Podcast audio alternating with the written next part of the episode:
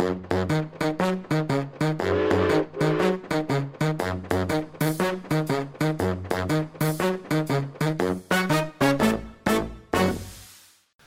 og velkommen til eh, dagens episode fra podkasten Ekspedert. I dag skal vi eh, begi oss inn på eh, en veteransti. Og vi skal snakke litt om en organisasjon som heter NVIO. Og vi skal snakke om eh, veteraner og krigsseilere. For å få litt hjelp til det her, så har vi fått en eh, gjest til studio. Det er han eh, Jostein Pedersen. Velkommen, Jostein. Tusen takk for det, Trond. Han har i mange år vært medlem både i styre og stell i NVIO i Ofoten. Og eh, vi skal også høre senere at han eh, kan fortelle om en av de eh, siste krigsseilerne i Narvik, som heter Arne Strøm. Men vi får begynne med begynnelsen, Jostein. Og hva står NVIO for? Ja, Trond. NVIO står for Norges veteranforbund for internasjonale operasjoner. Vi er Norges største veteranorganisasjon for militært personell som har deltatt i eh, internasjonale operasjoner på vegne av Norge. Da snakker vi om helt ifra Tysklandsbrigaden og Koreakrigen. Det stemmer. Det går helt tilbake til andre verdenskrig. Og pga. det at vi strekker oss helt tilbake til andre verdenskrig, så inkluderer vi også våre krigsseilere, som vi skal snakke om etter hvert. Ja. Eh, hvor mange medlemmer tror du vi har i, her i Ofoten? Ja, Lokalforeninga i Ofoten har ca. 70 medlemmer. Eh, jeg tror vi har ganske nøyaktig 70. Eh, på landsbasis har jo NVO ca. 7000 medlemmer eh, fordelt på 60 lokalforeninger. Og vi driver jo ulike aktiviteter også her i, i Ofoten. Vi har eh, bl.a. et åpent medlemslokale ukentlig. Eh, Det er tirsdag i dag, så vi skal faktisk ha åpent medlemslokale i kveld. Fra Hyggelig. klokka seks til klokka åtte. Og vi har også månedlige veterantreff eh, med sosiale og av og til med faglige aktiviteter. Og da spanderer vi gratis måltid på veteraner. Det er ikke dårlig. Nei da, det syns vi sjøl er veldig bra. Vi er litt stolte av at vi får det til. Ja. Og, eh, ja. Vi kunne selvfølgelig tenke oss eh, enda større tilslutning av medlemmer. Vi har vel et potensial i Ofoten på mellom 300 og 400 veteraner. I alle fall etter at eh, vi fikk storkommunen i Narvik. Så har antallet tilgjengelige veteraner vært eh, større.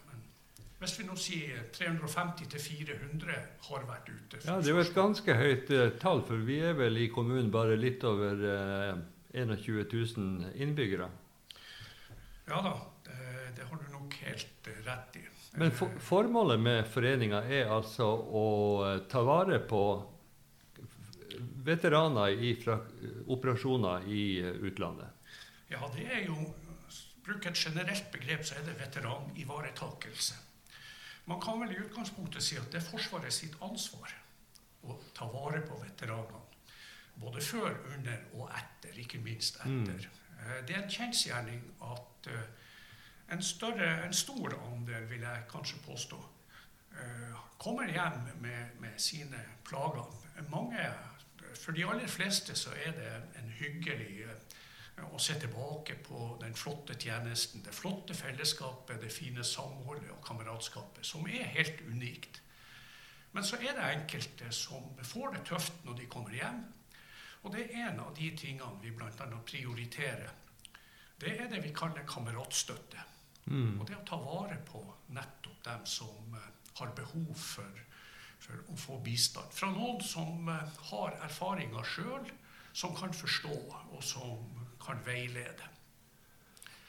Ja, og vi skal jo senere i eh, episoden eh, komme inn på krigsseilerne. Men det som de fleste nordmenn eh, tenker på med krigsseilerne, det er jo det at vi forsømte å følge dem opp når de kom tilbake etter sin krigstjeneste?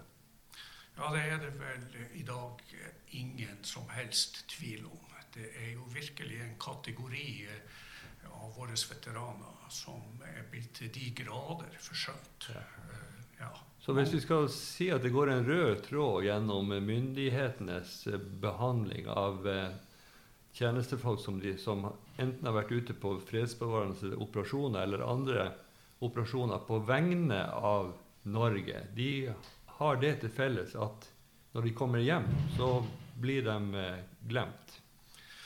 For mange føles det nok sånn. Forsvaret det må jo også sies, Forsvaret har jo blitt bedre med årene. Mm. De har jo eh, kanskje tatt inn over seg at det er behov for å yte et større bidrag for de hjemkomne veteranene.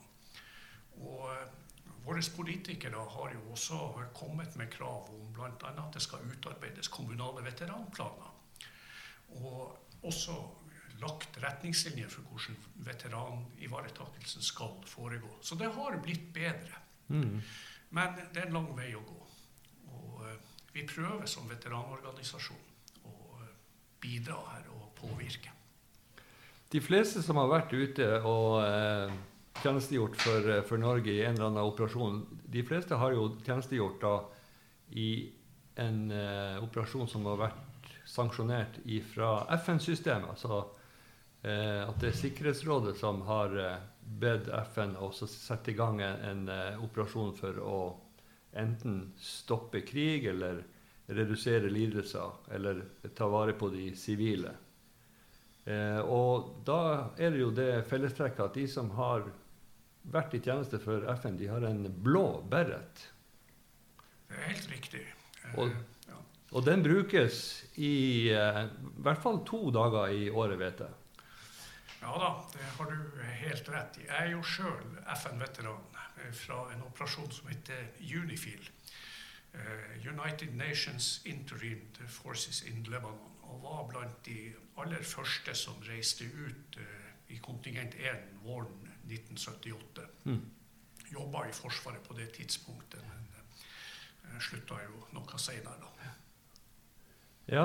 Eh, den blå bereten, den, eh, det er en egen dag i året for eh, FN-veteraner? Ja da, det er jo 8. mai som er frigjørings- og veterandagen. Ja. Fra tidligere tider var det jo frigjøringsdagen, men så ble det politisk beslutta at vi skal inkludere veteranene, og gjorde om betegnelsen til frigjørings- og veterandagen. Som markeres uh, offisielt over hele landet. Ja. I arbeidet ditt i NVIO så eh, traff du eh, en av de krigsseilerne fra Narvik. Ja da. Eh, vi hadde, fikk jo gleden av at eh, en av Narviks krigsseilere, som heter Arne Strøm, ble kjent med oss og ble interessert i oss og tegna medlemskap i, I. NVO. Han ble medlem i, i 2014. Okay. Eh, og var mye sammen med oss på våre tirsdagstreff, på veterantreff, på veteran- og frigjøringsdagen og i andre sammenhenger. Han var veldig trofast og eh, stilte alltid opp sammen med oss. Ja. Nå gikk han bort i 2017, men han var født i 1922. Og det står i krigsselgerregisteret at han eh, hadde en samla fartstid under krigen på 38 måneder. Fortalte han noen eh, ting fra tjenesten sin under krigen? Ja, han eh, åpna seg jo på, for oss i NVO når han var til stede sammen med oss. For der følte han seg trygg. Han følte seg verdsatt og ivaretatt. Eh, ivaretatt der. Han følte jo at eh, når han var hos oss, så var det folk som lytta og forsto. Så da åpna han opp og kunne fortelle om sine opplevelser ute. Og det er jo ei Han har jo ei meget sterk historie som han formidla til oss. Som iallfall eh, gikk veldig inn på meg også, må jeg si. Det, det er veldig tøft, så jeg skjønner jo godt hvordan han har hatt det når han eh, avslutta sin tjeneste til sjøs og etter at han kom hjem. Ja, sa han noen ting eh, om det å, komme hjem til et Norge som ikke Ja, for hans del å komme hjem, så sa han ikke veldig mye om hvordan han eh, ble møtt hjemme. Han Nei. eh, tok jo en utdannelse på yrkesskolen som sveiser og skjærer, og han jobba jo på LKAB i, sivilt, eller i 38 år etterpå, før han ble pensjonist. Eh, Så han var veldig tilbakeholden med, med å si så mye om opplevelsene sånn sett eh, etter at han kom hjem. Men han, Arne var bitter. Han kjente på ei kolossal bitterhet eh, sammenligna med det han så hvordan andre krigsveteraner ble tatt vare på, og hvordan de ble hedra eh, rundt han i forhold til hva han opplevde. Da tenker du kanskje på de soldatene som eh, sloss i Nord-Norge de to månedene i 1940 mot eh, tyskerne? Det kom nok til tider fram at eh, nettopp den sammenligninga gjorde han eh, Arne ganske ofte.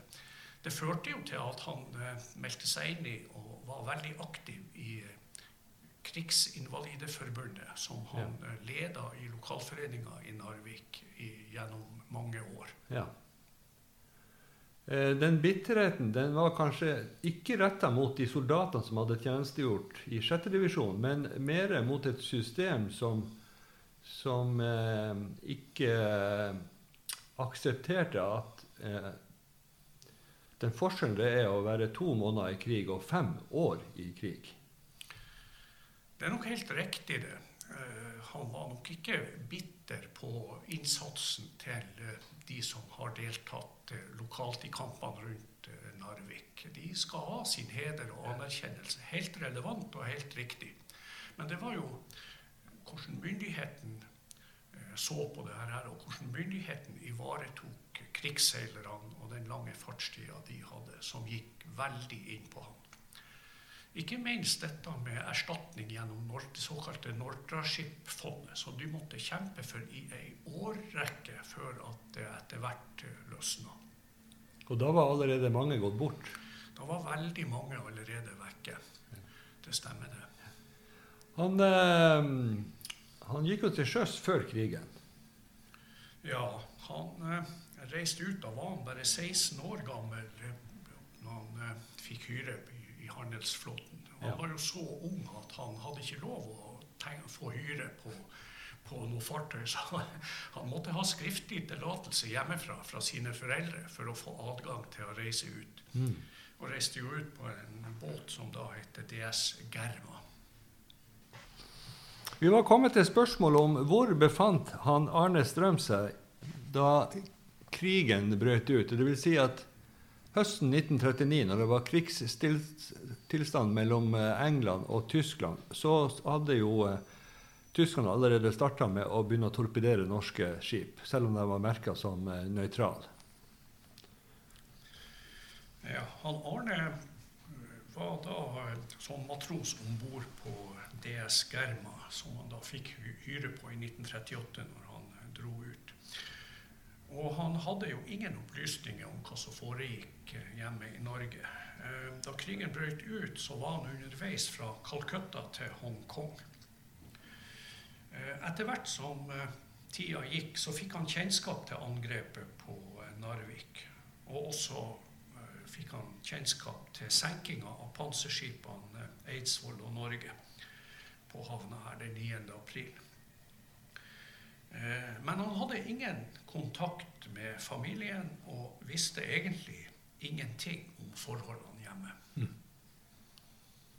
Det må ha vært ei eh, det må ha vært ei påkjenning å være så langt hjemmefra og ikke kunne gjøre noen ting for de hjemme i Narvik. Det vil jeg tro. Vi kan vel neppe forestille oss hva slags belastning det ville ha vært. En 16 år gammel gutt, kanskje var han eh, 17 da, men eh, 16-17 år gammel, og så få sånne beskjeder og tilbakemeldinger og ikke vite noen verdens ting. Ja. Ikke ha noen kommunikasjon eller muligheter for å oppdatere seg hvordan det sto til med familien. Det må ha vært veldig tøff belastning. Han fikk vel antagelig ikke noe post heller. Nei, det vet jeg jo ikke, men eh, det vil jeg tro er lite sannsynlig at han hadde tilgang til å motta post. Han var oppvokst på, på Frydenlund. Det stemmer, uten at jeg har detaljopplysninger om hans barndom og oppvekst. Så har du sikkert rett i det. Og han, eh, på et tidspunkt når han var borte i Halifax, så var han en av de som fikk tilbud om å eh, verve seg til eh, marin, fordi at myndighetene i, London de hadde oppdaga at handelsskipene trengte beskyttelse. Ja da, han fikk tilbud om uh, utdannelse som uh, skytter, eller helt presis kanonskytter. Ja. Det ble montert kanoner om bord ja. i de her uh, norske handelsskipene. Ja, det stemmer. det ble montert kanoner om bord der. Og da tok han han takka ja til tilbudet og utdanna seg til kanonskytter i Camp Norway i Lunenburg i Canada. Ja. Og fra da av så fortsatte han å seile med, med, norske handelsskip, men da som skytter, kanonskytter for marin. Så det var, altså han var ansatt i marin, men eh, hadde tjeneste om bord i handelsflåta. Ja, det er helt korrekt. Ja. Jeg vet eh, Brorsan han eh, møtte han Arne Strøm nede på Bærøya, som er veteransenteret attmed Kongsvinger. Og så spurte han, han eh, Arne Eh, den eh, medaljen eh, du har der, vet du noen ting om hvorfor du har fått den? Ja, så sier han Arne Strøm, jeg tror det var et fly som jeg skjøt ned. Så, men han var, han var borte i mange dramatiske episoder, og heller ikke han slapp unna å bli torpedert. Nei, det er helt uh, riktig. Han, uh, etter at han uh, hadde tatt sin utdannelse som kanonskytter, så eh, tjenestegjorde han jo om bord på, på, flere handelsfartøy eh, som skytter eller kanonskytter. Eh, han gikk jo over på søsterskipet til GS der, Germa, som het Herma. Altså bytta bare forbokstaven fra G til H. og seilte da på Grønland med stykkgods. Han var også om bord i et fartøy som het MS Ida Bakke. Og han var om bord på MS Høg Silverstar. Alle sammen for Nortraship. Ja. Men så kom han etter hvert om bord på uh, en båt som heter MS Bonneville. Da var vi kommet fram til at han Arne Strøm eh, mønstra om bord i eh, handelsskipet MS Bonneville. I, og da er vi kommet til februar eh, 1943. Ja, jeg tror vi er kommet litt lenger fram i tid, kanskje en måned. Eh, mars 1943. Da kom han om bord på MS Bonneville. Og det ble en kort tur. Den eneste turen med den båten. Hva skjedde? Eh, MS Bonneville seilte i konvoi med 57 skip med kurs for England. Eh, der eh, MS Bonneville sto i front av alle de 57.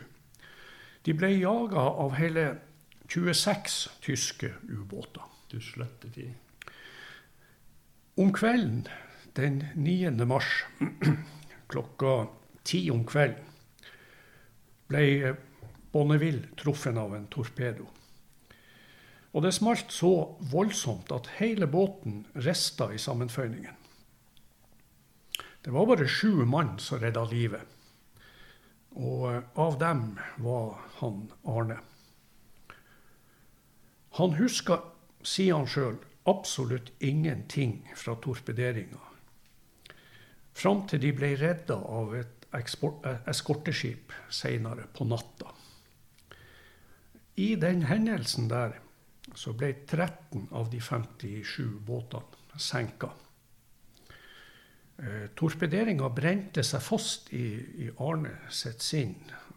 Og det førte jo til at han pådro seg sterke traumer som vedvarte i mange, mange år.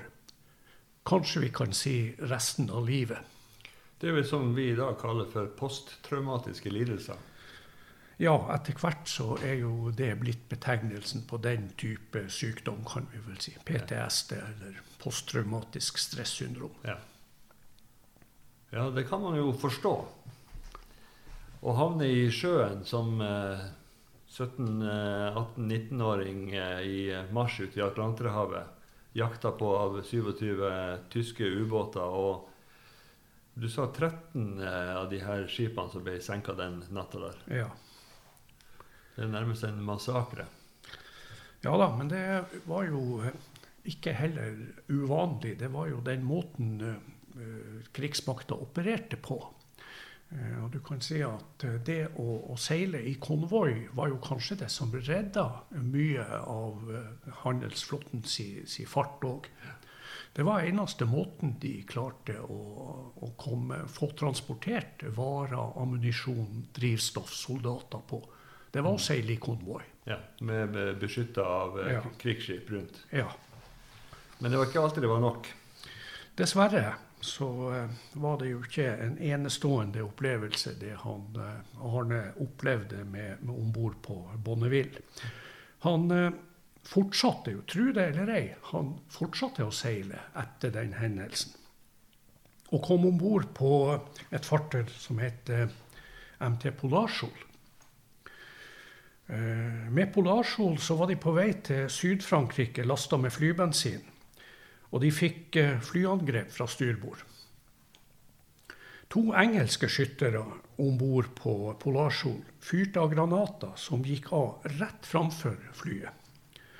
Flyet skar over til høyre og eksploderte voldsomt inn i en amerikansk Liberty-båt med 500 soldater og fullasta med ammunisjon.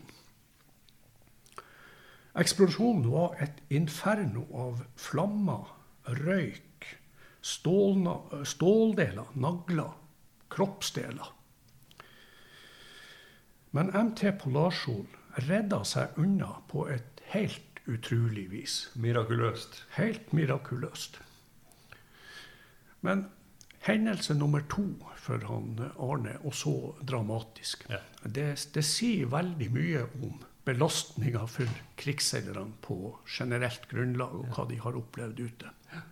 Nå har vi jo ei krigsseilerutstilling stående utenfor museet i disse dager. Det er på ei vandreutstilling som drar fra kommune til kommune. og Den kom fra Hamarøy, og du var og henta den på Bognes. Eh, og Først så sto den ei uke på Rådhusplassen, og nå står den ei uke utenfor Narvik museum.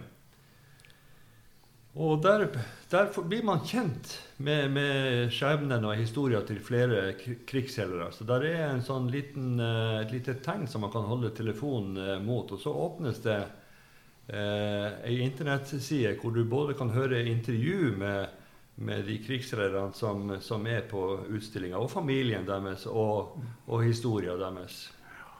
Ja da, det er helt riktig det. Og der er jo bl.a. av bilde av en som uh, seilte sammen med han Arne Strøm nettopp om bord på MT Bonneville, og som ble torpedert. Litt av en tilfeldighet? Ja, eh, det er jo ikke lenge siden jeg oppdaga det, så eh, det var jo veldig spesielt å ja. se det. Ja. Og han forteller jo sin historie. Eh, hvis man går og gjør nettopp det du sa, og, og googler denne QR-koden på, ja. på utstillinga så forteller han en del av opplevelsene sine. Du åpna utstillinga på Rådhusplassen. Ja, og, så oppdager du at en av de som blir presentert i utstillinga, er faktisk en arbeidskompis av den krigsselgeren som du kjenner best gjennom foreninga her i Narvik. Ja, det var veldig spesielt. Ja. For de som er mer interessert i historien til, og skjebnene til alle krigsseilerne. Så langt så er det registrert litt over 68 000 eh, krigsseilere på krigsseilerregisteret i Kristiansand. Eh, og hvis man går inn på krigsseilerregisteret i Kristiansand, på hjemmesida deres, så kan man søke eh, etter både slektninger og andre som man kjenner som, som man vet har vært krigsseilere. Så kommer det opp både de, hvilke båter de har tjenestegjort om bord, hvilke medaljer de har fått, og hvilke tidsrom de var ute til sjøs under eh, krigen. I tillegg så kommer det da en uh, film utpå høsten som heter 'Krigsseileren'. Mm, det er helt riktig. Og så kan vi få lov til å anbefale i samme slengen de tre siste bøkene fra forfatteren Roger Albrigtsen, som har skrevet om krigsseilerne fra Finnmark, fra Troms, og nå i år så kom boka med krigsseilerne fra Nordland. Og deriblant er det et par stykker som har sterk tilknytning til, eh, til Narvik. Jeg har ikke sjøl lest eh, faktisk ingen av de tre bøkene til han Roger Albrigtsen. Men eh, jeg har jo vært nysgjerrig på den boka om krigsseilerne i Nordland. Så langt så kan jeg faktisk ikke finne han Arne Strøm, som vi har prata mye om nå, direkte omtalt i boka til han Roger Albrigtsen. Av en eller annen merkelig grunn. For han Arne har jo ei meget, meget sterk historie. Absolutt. Eh, det var tøft mange ganger å høre han fortelle. Det gikk personlig inn på meg å, å høre. Mm.